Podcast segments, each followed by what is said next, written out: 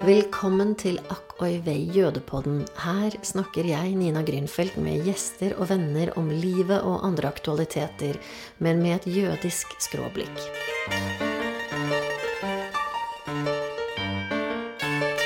Hva er kosher mat, og hvorfor foretrekker jøder piller framfor alkohol? Og våger vi i det hele tatt å snakke om omskjæring? I denne episoden hjelper Monica Chango meg å tenke høyt rundt disse temaene. Oi vei.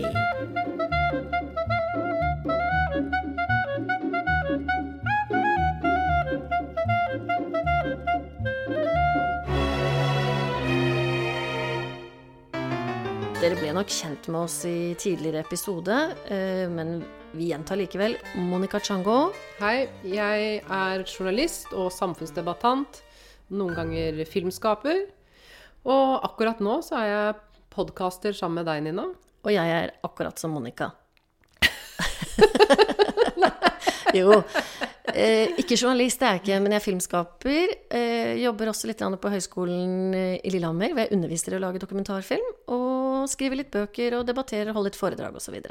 Vi mener jo kort sagt at vi har noe å melde. Derfor denne podden, Jødepodden. I dag så skal vi prøve å komme litt ut av uh, Det alvorlige, eller? Det al ja Nei, vi er jo aldri så alvorlige. Men, vi, men, samtidig så er vi jo dønnalvorlige. Men nå skal vi snakke om noe så alvorlig som mat. Åh, oh, det er alvorlig. Det er alvorlig. Ja. Du er jo ikke bare en uh, Amanda-vinnende filmskaper og bokforfatter. Du er jo også en uh, Bokforfatter til alt overmål. ja. For, Ikke bare Forfatter. forfattere. Bokforfattere. Ja, jødeforfatter. ja. men du er jo til og med Altså, du lager jo kokebøker. Ja, jeg gjør det. Også. Ja, jeg, jeg, er veldig glad i å lage mat. Du vet det at uh, min mor, når hun ser en liten sånn gryte som man uh, koker egg i, så får hun latterkrampe, for det er de dummeste grytene hun ser. Så hun hjemme hos seg selv, den aller minste gryta, og det er lillegryta, den er på fem liter, men ellers så kokes stort sett maten i tilitersgryter. Nettopp. Og egg også. I tilitersgryter. Ja, koker man egg, så koker man minst seks av gangen. Ja. Ett egg går det ikke an å koke. Nei. Uh, og det henger nok sammen med, med flere ting. Det, blant annet så har hun vokst opp i en stor familie med fem søsken. Men mest av alt så tror jeg det henger sammen med noe som jeg ser i absolutt alle jødiske familier. Det kan aldri bli nok mat. Mm. Jeg tror nesten uansett hvem jeg drar og besøker, er det én ting jeg er sikker på, så er det det at går jeg i kjøleskapet der, så er det så breddfullt at uh, du må stappe inn ting. Og ofte så er det også en liten fryser på lur, der hvor det er mulig. Mm. Og ekstrakjøleskap, det er nesten bedre enn en Rolex. Altså du vet, når vi skulle starte denne episoden, så tenkte jeg herregud, hva skal jeg egentlig si om mat? Du, ut, jeg, utover at jeg kan si at du lager helt fantastisk mat. Du jobber jo med mat, og du har skrevet flere kokebøker. Men bare du setter i gang nå, så vet jeg om mange ting jeg har lyst til å si om mat. Ja, og det, og det tenkte jeg. Og jeg, jeg, opplever det at i, i jødisk eh, kultur så er eh, mat er det er knyttet til glede, det er knyttet til sorg. Altså når det er store høytidsdagene, så spiser man. Men når det er shiva, når man skal eh, minnes den døde, så mm. spiser man også. Mm. Så det finnes jo ingen anledninger hvor man ikke spiser. Og jeg må jo si det at jeg har til gode å komme inn i jeg var i London og gjorde noen opptak for noen år siden. Og der var jeg så heldig at jeg eh, snakket en del med en persisk-engelsk-jødisk familie. Mm. Og da skulle jeg virkelig bare innom og gjøre noen korte intervjuer med en voksen mann og søsteren hans. Og så kom vi opp trappen. For de som kjenner også den persiske kulturen, da, så vet de at eh, den er enormt gjestfri. Mm. Men der var det altså lagt opp fat på fat med kjeks, tørkede frukter, flere typer te, eh, søtt og salt. Og, og, så var det sånn uh, uh, Jeg tror jeg sa noe sånn I didn't expect like a, a layout like this. No, it's just snacks. yeah, it's just snack. Men det, ja, det er jo ikke bare det jødiske, det er en del av det persiske. Ja. Uh, men jeg tenker jo også, ikke sant, innenfor jødisk religion så er jo også mat veldig symbolsk. Altså ta sederaften under jødisk påske, pesach Da er det jo religiøse riter knyttet opp til egget, persillen, det søte, det sure, ikke sant, som symboliserer ulike ting Ja. fra Bibelen. Ja. Eh, I kristendommen så har vi selvfølgelig påskelammet. Eh, Men jeg tenker at i jødedommen så er det mer nær relasjon mellom religiøs praksis og mat. Og man bryter brødet på en spesiell måte på shabbes hver fredag. Eh, Man introduserer, shabbes med et glass vin og ber en bønn over vinen. Men, men det er jo, altså hvis vi bare skal gå tilbake til kjernen av hva, det, hva, hva mat er, da. For det første så er det, det er livgivende. Og så tror jeg også at det å dele mat Altså man kan krangle veldig mange, mange andre steder, men jeg tror det at når man setter seg til bords sammen med mennesker, enten man har kranglet med dem eller ikke, så legger man ned våpnene. Så slapper man av. Man, del, man spiser noe godt i sammen. Og man skal helst da spise mye av det. Du vet jo det at eh, hvis mor hadde vært her og laget eh, mat til oss, og du hadde bare forsynt deg én gang, det går ikke an. Nei, det er en eh, fornærmelse. Og hadde, du ikke, og hadde du ikke tatt imot den andre porsjonen, så hadde hun stått klar og pakket i en, en boks til deg med den maten, så du kunne ta med hjem eh, til de som hadde lyst på det, eller ikke lyst på det hjemme. Men du går altså aldri sulten, eller heller ikke tomhendt. Og vi har jo en felles venninne også, Yvonne. Uansett hvilket, eh, hva slags middag eller selskap eller hva hun blir invitert til, så har hun med seg en kake, brød, frukt, syltetøy, et eller annet. Det, det er, ligger bare liksom i Det er helt automatikk for henne. Nå skulle jo ikke dette være så dystert, men altså, det er jo et spesielt forhold til mat etter krigen for en del jødiske miljøer, som har handlet om overspising, underspising og spiseforstyrrelser. Eh, Det er klart at eh, når du som en befolkning også har vært gjennom et sånn type kollektivt traume som andre verdenskrig var, så forstyrrer det noe av matkulturen, rett og slett. Ja. Eh, Dette har vært skrevet en del om i forskningslitteraturen. I da overlevelsesmiljøer. Altså holdningene til mat ble endret. Jeg har hele spekteret i min familie. Jeg har eh, en tante på morssiden som eh, var eh, Som samlet mat, hermetikk. Eh, og måtte da Hun hadde vært i Bergen-Belsen, og hun måtte spise til helt bestemte tider, ellers så ble hun helt tullerusk. Og hun ble 104 år, tror jeg, så hun ble jo voksen. Og til det siste så lå hun og Hun mistet jo litt av på en måte de kognitive altså evnene etter hvert, da, men hun lå i hvert fall til det siste og ville ha fyrstekake av sykepleierskene. Ja. Og husker du at jeg i forrige episode så nevnte jeg denne novellen til Nathan Englander som heter eh, What Do We Talk About When We Talk About Anne Frank? I den handlingen så er det sånn at det sekulære paret, det er to par, et religiøst og et sekulært par. Det religiøse besøker det sekulære, de har ikke sett hverandre på mange år. Og kona i det sekulære paret, hun har faktisk bygget seg et hemmelig rom. Hun er så redd for at det skal bli en ny forfølgelse. Så hun har fått mannen til å bygge et hemmelig rom bak en skjult vegg i garasjen. Og der inne har hun selvfølgelig spart opp tonnevis med hermetikk. Og det er jo også du, helt du, du behøver ikke å gå i novellen. Dette her kunne være meg, det. Ja. Så når f.eks. det er eh, salg på en spesiell type tomatbukser og bønner som jeg liker, Ja. så kan jeg kjøpe fort 50 av gangen. Men fordi du skal spare penger, eller fordi de er så gode og du er redd for at det skal gå tomt, eller fordi du er redd for at Jeg du skal sulte? Du, jeg tror du kan komme hjem til meg uansett hva slags leilighet jeg bor i, stor eller liten. Ja. Jeg tror at jeg vil kunne brødfø fire personer i tre uker med bare det jeg har i huset. Ok, Så hvis det blir en ny pandemi her, og butikkene blir tomme, da Kom da vet jeg at jeg skal komme til deg. Ja, kom til meg. Ja. Så Men det er jo også, jeg kan også kjenne på en litt sånn småpervers glede av å hamstre.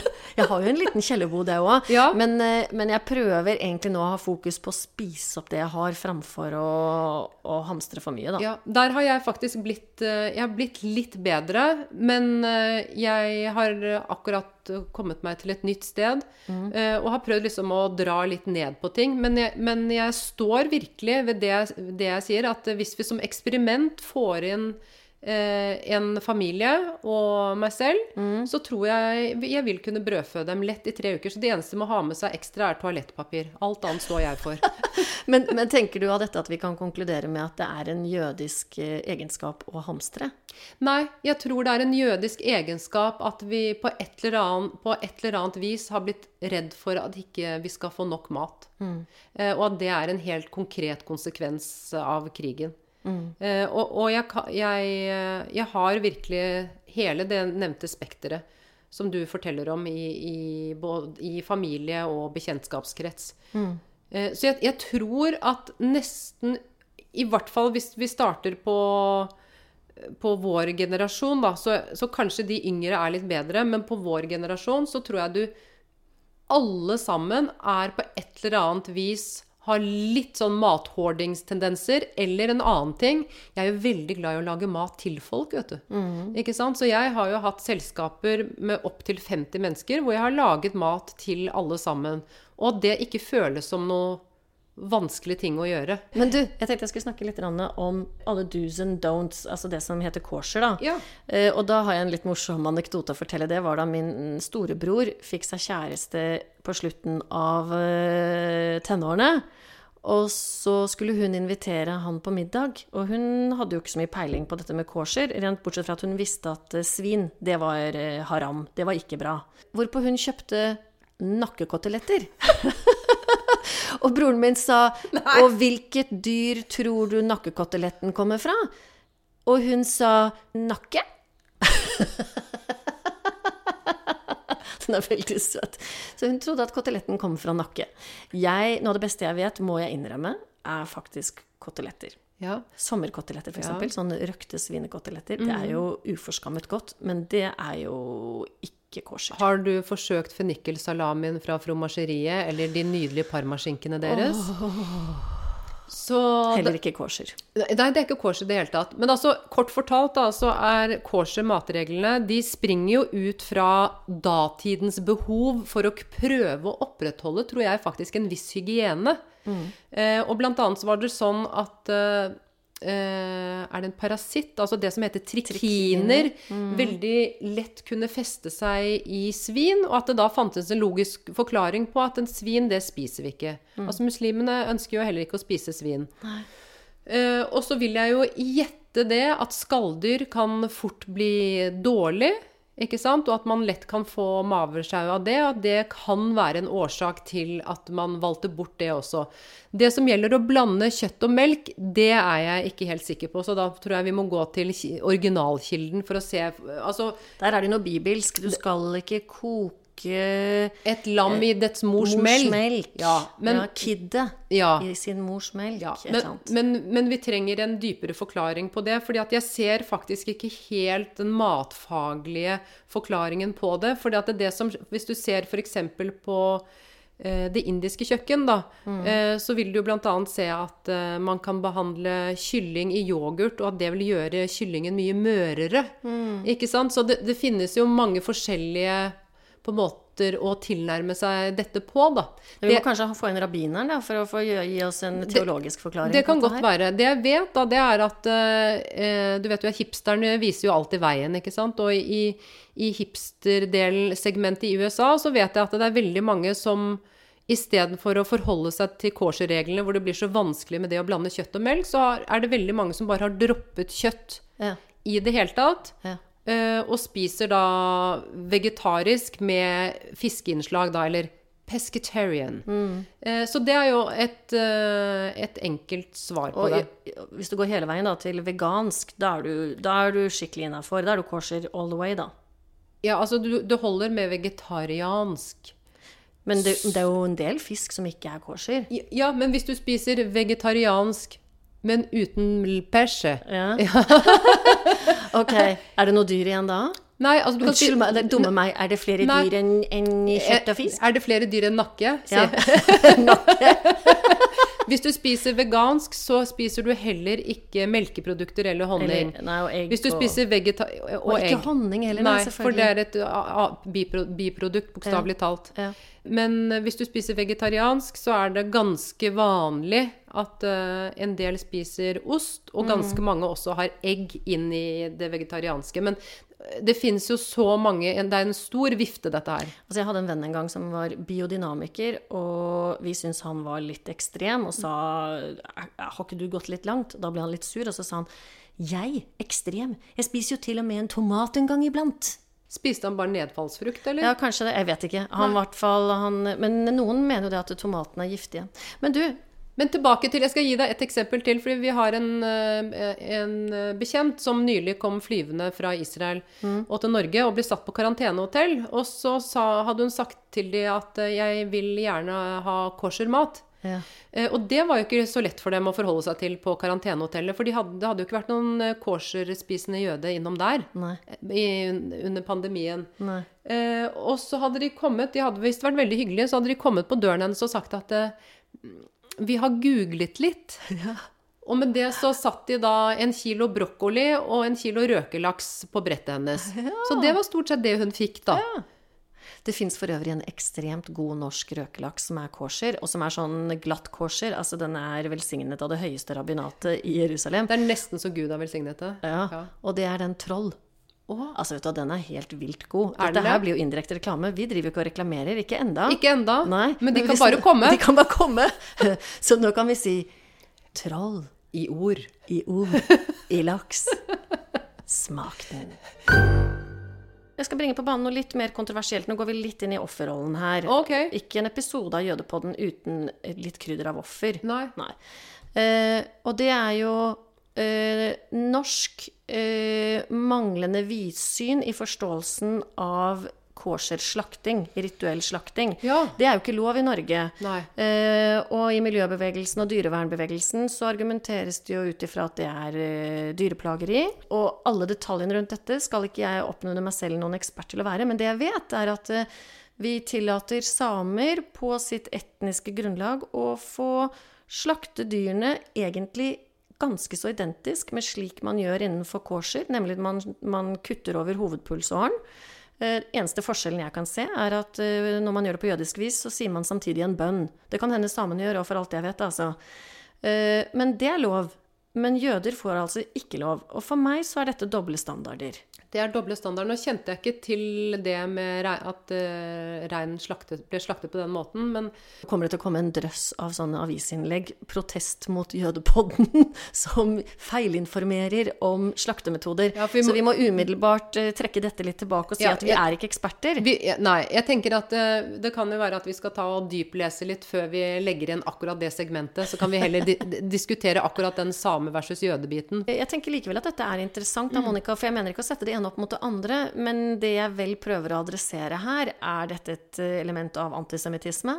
Er det et element av, eh, om ikke antisemittisme, norsk trangsynthet? Men, Norsk men halalslakt er jo lov. Uh, Ja, er det det nå? Det er kanskje det. Og i så fall så er jo det også en dobbeltstandard jeg Ja, for overhodet ikke forstår. For det må, vi, det, det, det må vi jo finne ut av. For jeg, det er jo halalkjøtt i butikkene. Ja, men den kan være importert. Altså, det er jo, du kan jo få kosherkjøtt ett sted i Norge, nemlig i menigheten, Mm. men den er jo importert fra Danmark og England og andre steder. Det blir jo alltid problematisk når Hvis du sier ordet slakt eller omskjæring og jøde, Mm. så blir det jo trøbbel. Da blir det trøbbel. Mm. Og omskjæring tror jeg vi skal komme tilbake til i et annet Den er skikkelig trøblete. Det tror jeg vi trenger en full episode på. Ja. Og kanskje en gjest til og med òg. ja. en mohell.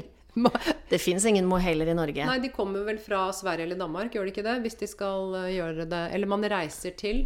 Jo, altså en mohell til lytternes eh, orientering, det er en eh, som gjennomfører en Britt Milla, en omskjæring av guttebarnet. Rituelt. Rituelt når guttebarnet ideelt sett er åtte dager gammelt. Jesus ble omskåret på første nyttårsdag. Han ble jo født 24. desember, og det fins en teori om at første nyttårsdag er Jesu omskjæringsdag. Jeg vet ikke om helt det stemmer. i forhold Nei, til skal vi gå tilbake til dette med korser litt? For at jeg hadde en, en god eh, Min tante Natasha holdt korser Mm. lenge.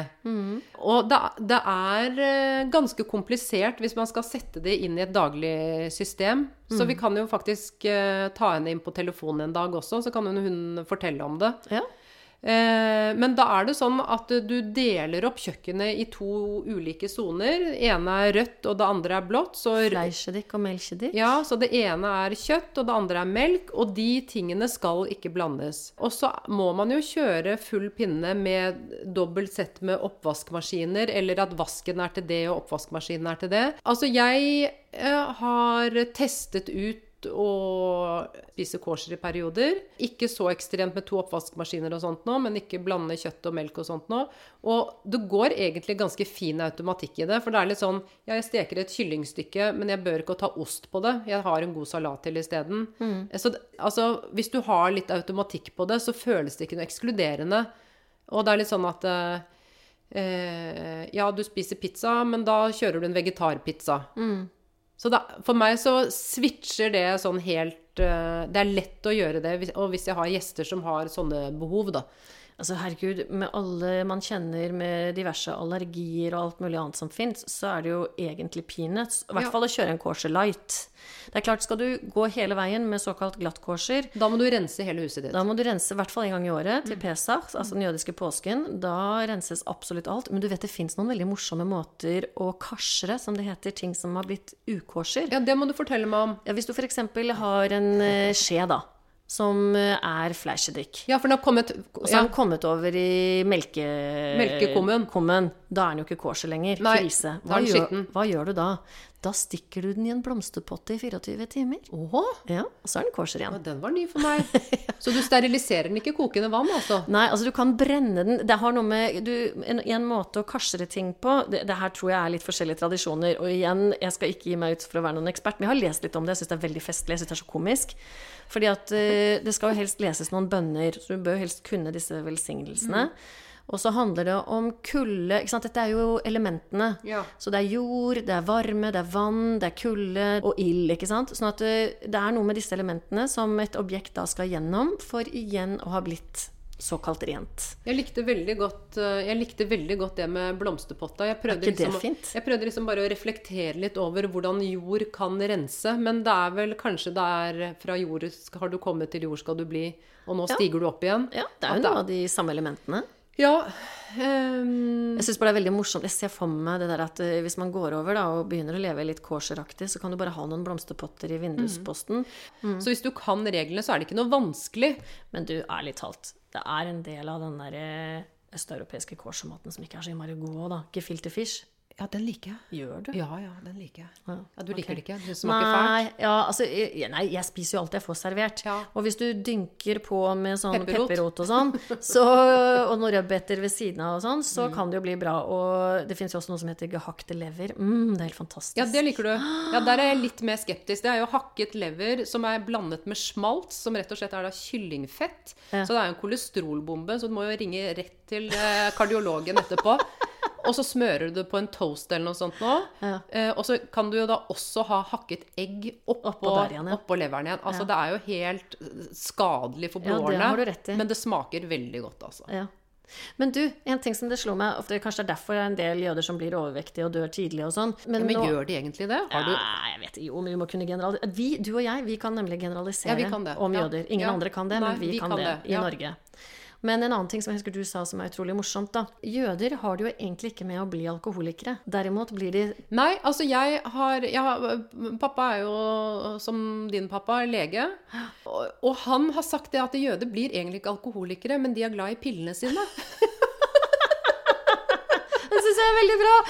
Og da for da må jeg fortelle Jeg har jo som en skikkelig jiddische mamma, altså en jødisk mamma, så har jeg tvunget datteren min til å studere medisin. Ja, Det er jo helt forferdelig. Det er helt jeg- forferdelig. Ja, jeg har sagt til henne fra hun kunne stå oppreist at kjære, elskede Paula, du skal få gjøre hva du vil i livet ditt. Du skal få velge på øverste hylle så lenge du blir doktor først. og da hun ble sånn Har du sagt det? Ja, ja. Og, hun, og det har vi liksom ledd litt av, da. Men, og da hun ble sånn 15-16 år, så sa hun mamma, jeg har bestemt meg, jeg skal bli som morfar, jeg skal bli lege. fantastisk. Og da fikk jeg jo angst, da. Og så tenkte jeg herregud, hun kommer til å vende seg mot meg og føle at jeg har tvunget henne. Ja. Men nå er hun i gang med dette studiet, og i sommer så sa hun at om ett år, mamma, så behøver ikke du å ringe onkel Thomas for å få ringt inn resept. Jeg har jo en bror som selvfølgelig er lege, som sin far. Eh, Vi behøver ikke ringe lenger til onkel Thomas for å få ringe en resept. Nei. Jeg kan skrive ut resept til deg, jeg. Stolt da- mamma. Ja, og da kjente jeg bare Roll some pills. Send over noe Valium. Eller den derre deilige Imovane. Jeg tar en halv Imovane når jeg ikke får sove, og det er så godt. Da bli- sover jeg så deilig. Men, men altså, jeg tror det er et eller annet med at eh, det ikke passer seg å komme ravende full, men at du heller kan være litt sånn tåkete. Ja. At det er greit. Ja. Og jeg var i Jeg husker at jeg, jeg eh, bodde i Tel Aviv Hvorfor er det greit? Jeg, Nei, men, men, men da, fra, da framstår du bare som litt distant. Ja. Men ikke, ikke lukter det. Nei. Ikke sant? Og du er kanskje bare litt slørete i blikket, og du vet jo hvordan no noen av disse jødiske mammaene de liker å ha sånne svære briller sammen med det høye håret sitt, ikke sant? veldig så. Ja, ja så, så liker de å sitte og være litt sånn eh, Litt sånn eh, Ja, Kanskje litt, litt full av smerte på en måte? Ja, på et eller annet vis. Ja. Jeg var jo eh, bodde, bodde et par år i Tel Aviv, og da var jeg i, i de, de jødiske bryllupene I hvert fall der er veldig store. Mm. Da var det sånn at det, Da husker jeg at det sto svære bord med alkohol og svære bord med mineralvann. Hva var det som gikk først? Mineralvann. Mineralvann. Ja. Du måtte ha noe å svelge ned pillene med. Antageligvis. Men den alkoholen den gikk så tregt. Det kan godt være at det har forandret seg, for det begynner er bli lenge sant. siden jeg bodde der. Det, Ja. var, det, var, det var så lite alkoholkonsum der. Ja, ja, men det er jo bare å se på Shabbos når du er hjemme på, hos folk til Det er jeg som drikker den vinen. Ja, da går det ett glass rundt, og så skal alle ta hver sin slurk, og så resten så får du liksom ikke noe mer. Og når du da kommer fra et litt mer sånn uh, Drikkfeldig hjem. drikkfeldig hjem så har du jo lyst til å Ja. bringe fram en flaske til. Ja. Men det, det fins ikke. Nei, det gjør man ikke. Nei. Det gjør man ikke. Så jeg, jeg er den som alltid drikker mest, og jeg drikker ikke mye. Jeg er den som alltid drikker mest hvis jeg er invitert hjem til noen. Mm. Så da, det, da betyr det at da har jeg drukket kanskje to glass på den middagen, da. Det er veldig interessant. Veldig interessant.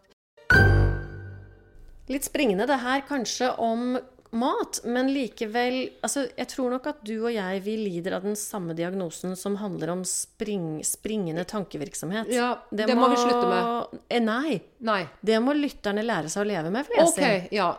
Fordi at eh, Fordi jeg tenker jo at det spranget fra mat til sex Vi kom aldri dit. Vi kom ikke dit. Hadde vi annonsert det? Nei, nei jeg tror ikke det. Jeg tror ikke det. Vi hadde pratet Men- om det i forkant. Men, men jeg tenker jo at så har jeg lyst til å bare forberede meg enda bedre. For at det er litt sånn Det er bare gøy å kunne si alt som er på liksom sedertallerkenen. Det er gøy å kunne si jo, men vi skal ikke være leksikale heller, Nei, tenker vi skal kanskje ikke det. Og så er det gøy å kunne fortelle liksom hva, hva er glatt kosher, hva er kosher. Altså bare litt, at det, litt mer facts, da. Ja. Tror jeg På den annen side, jeg vet ikke om jeg er helt enig Nei. med verken deg eller meg. Eh, fordi jeg tenker at eh, Har vi rundet da nå? Nei, ikke egentlig helt. Nei. Eh, lytterne kanskje til og med får de lov til å være med på vår selvevaluering, slik vi holder på nå. Gudene Ja. vet. Men det jeg skulle fram til, var at eh, eh, kanskje ikke vi er eksperter på noen ting utover å være eksperter på oss selv. Da får vi bare så mye kjeft, men det går bra, det. Vi får tåle det. Det vil vi ha. Vi vil ha kjeft. Ja. Jeg hater jo kjeft, men det er greit. ja. Vi vil vi, En kort stund, og så vil vi at alle skal være venner igjen. Ja. Don't mention the war. Don't mention the war.